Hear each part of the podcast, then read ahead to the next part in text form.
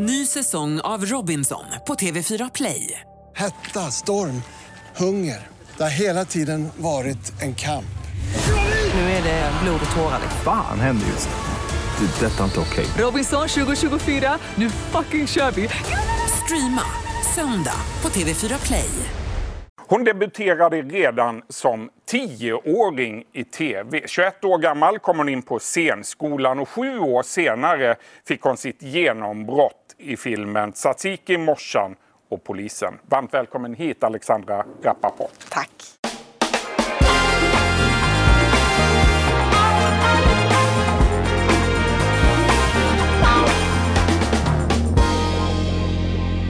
Du Alexandra, på torsdag är det premiär på Simor för fjärde säsongen av dramaserien Gåsmamman. Sonja vaknar upp efter sex månader i koma. Hur har hon förändrats av det här?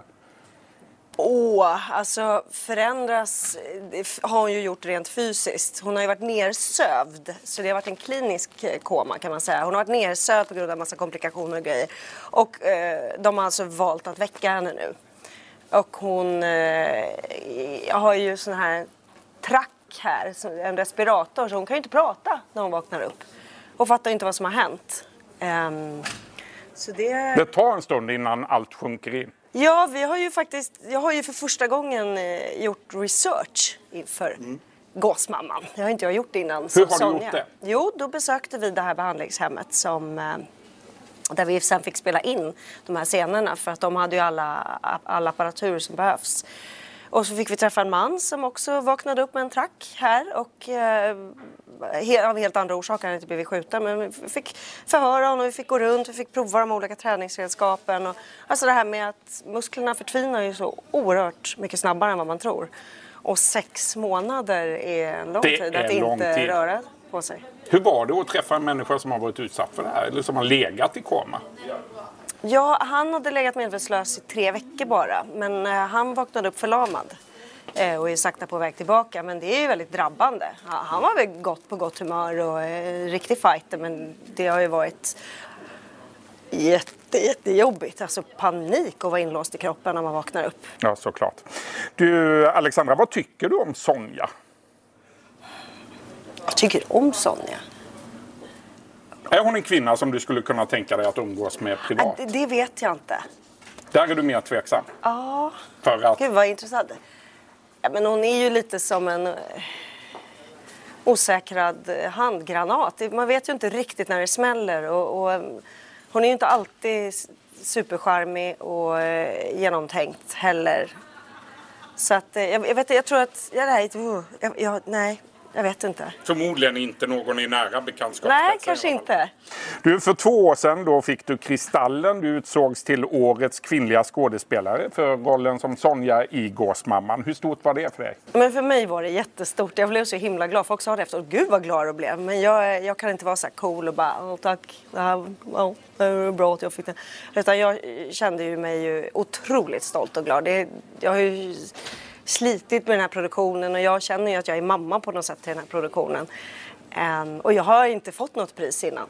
Eller jag, hade, jag, jag fick en Va? Jo, jag var det fått det en... första stora riktiga priset? Ja, det var det. Jag har fått en halmbock Vad från orättvist. Polen skickad till mig. Du, I den eh, riktiga världen hör vi nästan dagligen om skjutningar, det är om bomber och sk- skottlossningar, gängbrottslighet. Och samtidigt visar en massa olika undersökningar att människor känner sig allt mer otrygga i Sverige. Vad tänker du om det? Ja, vad ska man tänka om det? Det är ju oerhört sorgligt och tråkigt och obehagligt på alla sätt och vis. Händer det att du är rädd när du är ute och går ensam på stan? Alltså som kvinna är man ju rädd så fort man rör sig utomhus efter mörkrets inbrott. Men jag kanske inte är rädd för gängvåld just. Eh, Du är rädd för att det ska hända något? Att någon ska ja, man känner sig utsatt och man är rädd för män som man inte känner när man är ute och går och, och så. Det, det är bara en... Jag gissar att eh, snubbar också är rädda, liksom, fast kanske inte för kvinnor utan för andra män också. Jag vet inte, man är rädd för våld. Vad innebär det då? Innebär det att du, du försöker undvika att Ja. dig ute själv? Nej, ja, nej, det gör jag inte. Men jag ser till att gå där det är belyst. Jag ser till att hålla i min telefon. Jag har lärt mig hur man kör igång larmet på den. Eller så ringer jag någon. Eh, Det här tänker jag är allmängiltigt för alla kvinnor. Ja. Något helt annat nu då, Alexandra. Din judiska pappa han flydde från Polen under andra världskriget. Många av dina släktingar blev kvar, mördades av nazisterna. Hur har det påverkat dig? Eh, min mamma eh, och pappa träffades i Sverige. Mamma var också från Polen, men hon var inte judinna. Så att jag är liksom uppvuxen väldigt traditionellt svenskt. Eh, vi har liksom inte firat judiska högtider och sånt hemma. Så jag har känt mig ganska bortkopplad från det länge. Och pappa har valt att inte prata om sina upplevelser. Och han fick med sig, eller hans mamma och eh, storebror möttes upp i Sverige och de tre klarade sig. Ehm, så att jag har tänkt att ja, men det var i alla fall en solskenshistoria för min familj. Och sen var jag med i det här programmet Vem tror att du är? Just det. för några år sedan. Eh, och då var det viktigt för mig att, att söka min mammas rötter kände jag därför att eh, min mamma lever inte och jag har inte några, någon familj på hennes sida kvar och så. Eh, men det blev ju faktiskt det som hade hänt pappa som blev det som drabbade mig mest för att eh, jag fick, en, jag fick en, ett A4 när jag kom till Polen. Vi var på ett museum. Så jag fick ett A4 bara med, fullt med namn, 40-50 namn. Jag bara, okej. Ja, det här är dina, din familj, dina släktingar som blev mördade.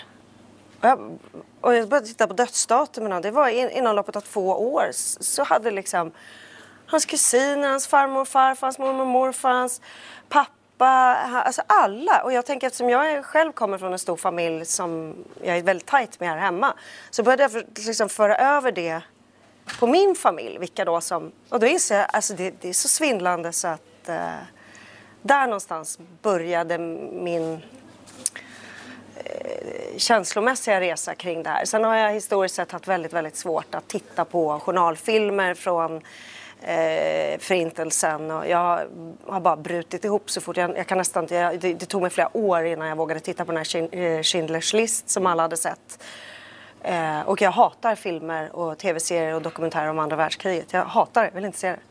Hur känner du då idag, 2019, inför det faktum att det finns människor i Sverige som kallar sig för nazister och som organiserar sig, till exempel Nordiska motståndsrörelsen och genomför manifestationer i Almedalen. Vad tänker du om det? Jag tänker att det är, äh, är det hårresande. Alltså, det, det är människor, ja, vad ska man säga, man trodde ju inte det, men det, det sägs ju att människor upprepar sina idiotier i, i cyklar om 80 år, eller vad är det? Det här är ju så, det, det är så, och att, jag menar när jag växte upp så hette det hets mot folkgrupp. Då kunde man inte stå och heila och propagera sådana budskap. Idag har det här förskjutits på något märkligt sätt. Eh, jag, jag tycker att det är, jag blir alldeles, jag får som en isklump i magen. Alexandra, du var bara nio år gammal när din eh, mamma gick bort i cancer. Hur har det präglat dig? Ja, alltså... Jag vet ju ingenting annat. Eh, så att den jag är idag är jag på grund av så mycket som har hänt mig. Men det är klart att, att det präglar ett barn att förlora eh, sin viktigaste människa eh, så tidigt. Det, det gör ju det på många sätt. Och jag kan tänka mig att det har präglat mitt yrkesval på ett sätt. Hur då? Ehm, Därför att jag älskar ju att iklä mig andra människor, så att säga. Jag tror att det började i någon slags... Jag tror att jag har en fallenhet för det. Min mamma var också liksom konstnärligt begåvad och intresserad av skådespeleri och dans, och så att det är inte taget från luften. Men jag tror att det har med det att göra, att liksom kliva ur sin kropp ett tag och vara någon annan. Det är ganska skönt. Eh, även om jag idag jag har ett jättebra liv. Liksom.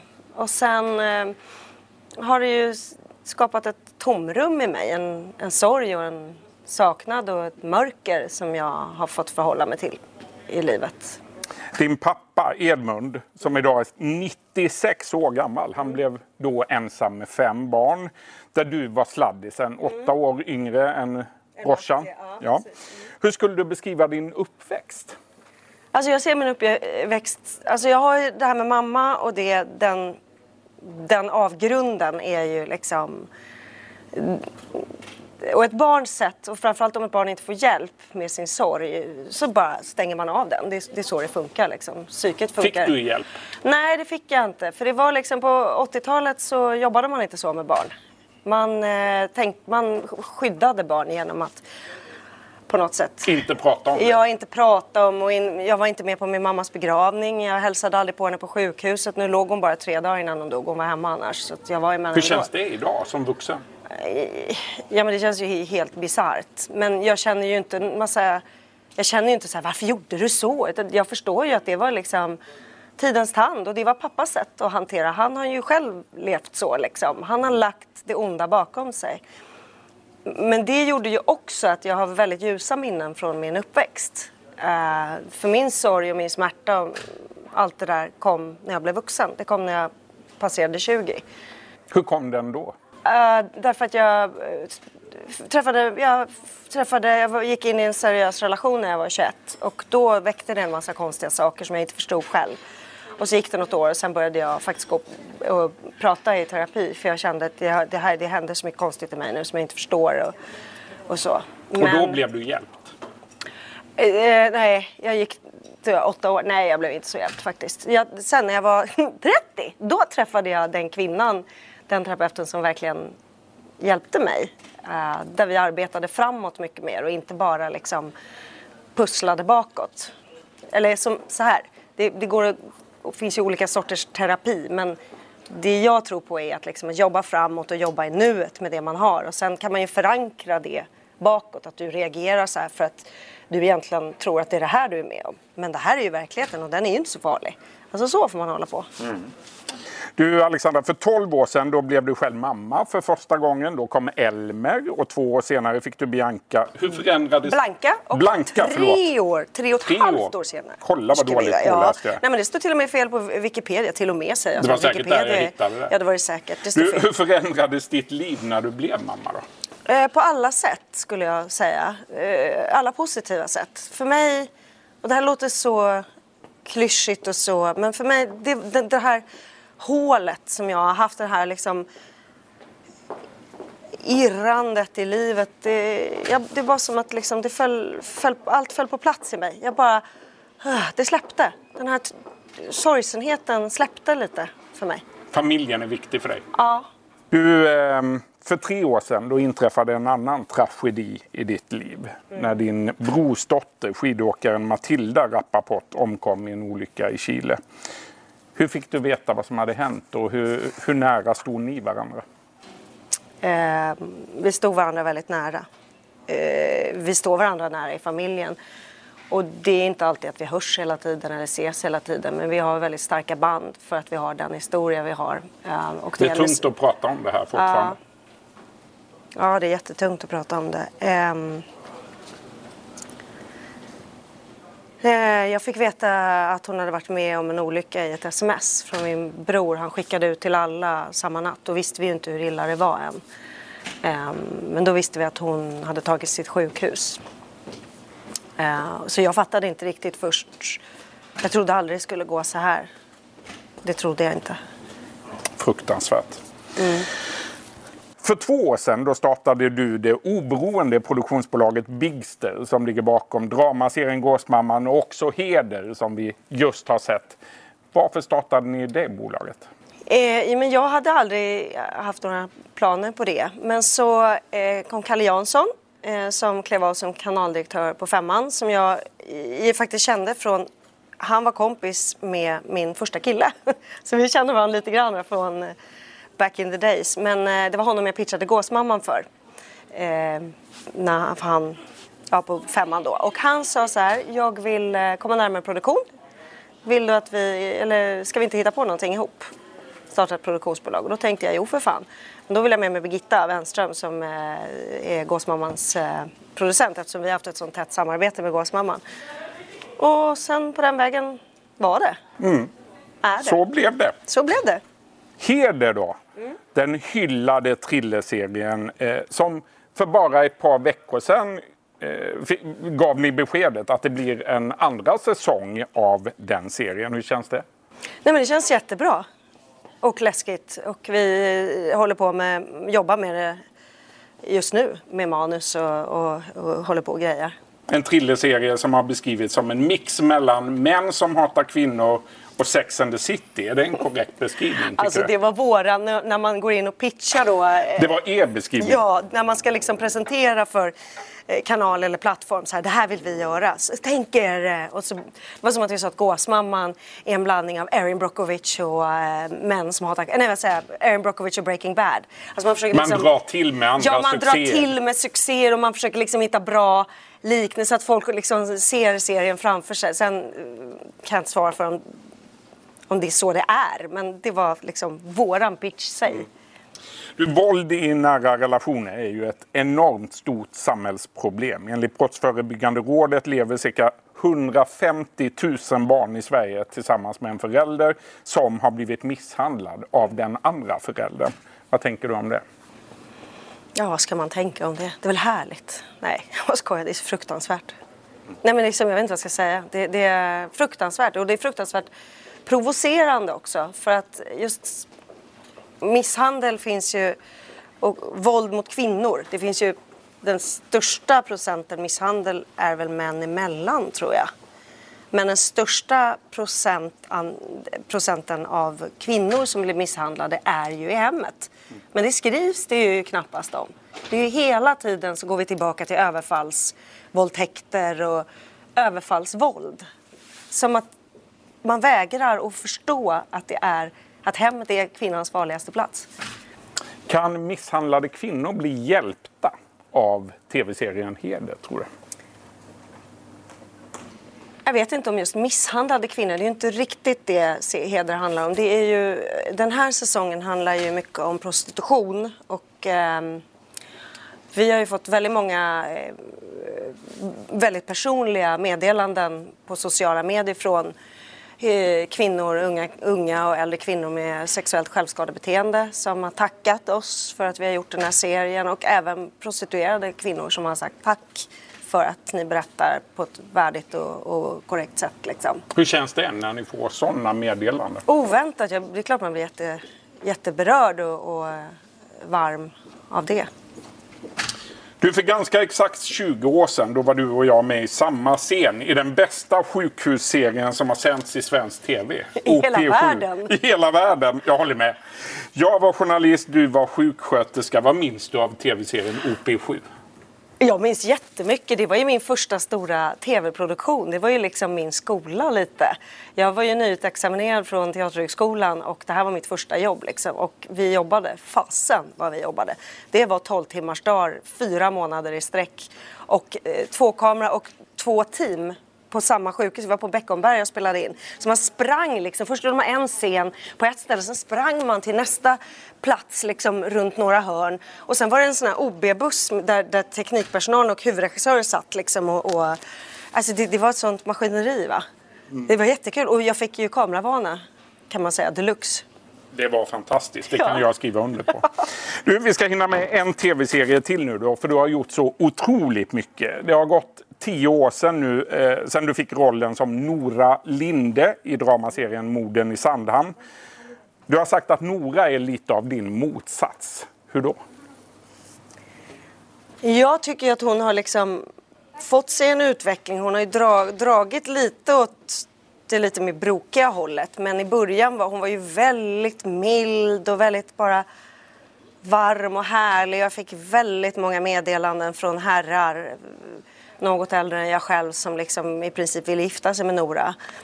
Eh, Hon var liksom en lyssnande, tillbakadragen person. På, eller tillbaka, hon var väldigt liksom, gav väldigt mycket plats till andra. Och fanns där. Och det gör inte du menar du? Nej, för fan. Nej. Nej, Jag är inte jättemycket så. Jag tänker att det är ge och ta som gäller. Du, jag hade författaren Vivica Sten som gäst i mitt program förra veckan. Och hon berättade då att eh, det kommer två böcker till. Frågan är ju då, hur många människor kan man egentligen mörda på en liten ö som Sandhamn? Ja, hon har väl någon procentsats på det. Förut Ja, sa hon att det var brukar 5 säga 5%. Men är det fortfarande det? borde ju vara fler nu. Det borde vara fler. Men den här gången när det kommer nya så går vi, inte, vi kommer inte att följa böckerna. Utan vi, det, nu är det liksom fristående avsnitt med hennes goda minne och hennes själ som vilar över projektet. Liksom. Till sist då, det är ju inte bara på bio och i tv vi ser dig. Du tillhör också Dramatens fasta ensemble. Och i en intervju i TV4 i våras så sa du att det har funnits tillfällen när jag fått scenskräck på grund av vissa personer som inte kan bete sig där. Vad är det som har hänt? Alltså, det här är länge sedan. Jag är inte lagd av Du var scenskräck. ny på Dramaten. Jag var ny på Dramaten och hade en huvudroll med en uppburen manlig skådespelare som hade den andra huvudrollen. Och eh, han betedde sig illa. Han, eh, På vilket sätt? han skällde och ryade och eh, bakspelade mig och eh, gjorde bort mig på scen inför publik på s- 800 personer. Alltså, det, det, var, ja, det, var, det var tuffa tider. Så det slutade med att jag när jag stod och skulle in på scenen så kände jag att mådde illa. Jag, nästan, jag kände som att jag skulle svimma liksom. Och och jag var så arg samtidigt. Så jag satt ju uppe i matsalen i pausen när inte han var med och bara skällde och skällde och skällde. Jag var ju rädd för honom så jag vågade ju inte. Men då kom en äldre skådespelerska, eller äldre, hon var tio år äldre än vad jag är och så sa hon nu Alexandra ska jag lära dig lite knep som en ung skådespelare aldrig ska behöva lära sig för det här är fult liksom. Vad fick du lära dig? Eh, Jag fick lära mig att ge igen på scenen. Jag fick lära mig och, och eh, så jag började ju lite det, jättetråkigt. Därför att mm, jag har ju lärt, liksom, jag har ju på något sätt vuxit upp med att man, man lyfter varandra. Men jag började göra tvärtom. Du började sänka honom, Ja. eller? Jag började. Och då tyckte han att vi hade fått ett bra lir. Jättekonstigt. Har du träffat honom på senare tid? Ja, det har jag gjort. Alltså, han, har en arbete, han har en bra sida och en dålig sida. Liksom. Du, till sist då, eh, Alexandra, om vi blickar framåt fem år i tiden från nu. Vad hoppas du att du är då? Åh, jag hatar att tänka så. Jag blir jätterädd. Vad är det som gör dig rädd? Nej, men jag tänker om folk, saker går åt helvete. Nej, jag vet inte vart jag är nu. Jag vill, jag vill inte ens svara på den frågan. Du är dålig på att titta i spåkulor. Ja, jag vill inte det. Tänk om man ser något man inte vill se. Tänk om man jinxar och så går allt åt helvete. Eller någon blir sjuk och dör. Nej, jag vet inte. Blä. Jag vet inte. Stort tack Alexandra Rappaport för att du kom hit idag. Tack. Du har lyssnat på en podcast från Expressen. Ansvarig utgivare är Klas Granström. Ny säsong av Robinson på TV4 Play. Hetta, storm, hunger. Det har hela tiden varit en kamp. Nu är det blod och tårar. liksom. Fan händer just det. Det är detta inte okej. Robinson 2024, nu fucking kör vi! Streama söndag på TV4 Play.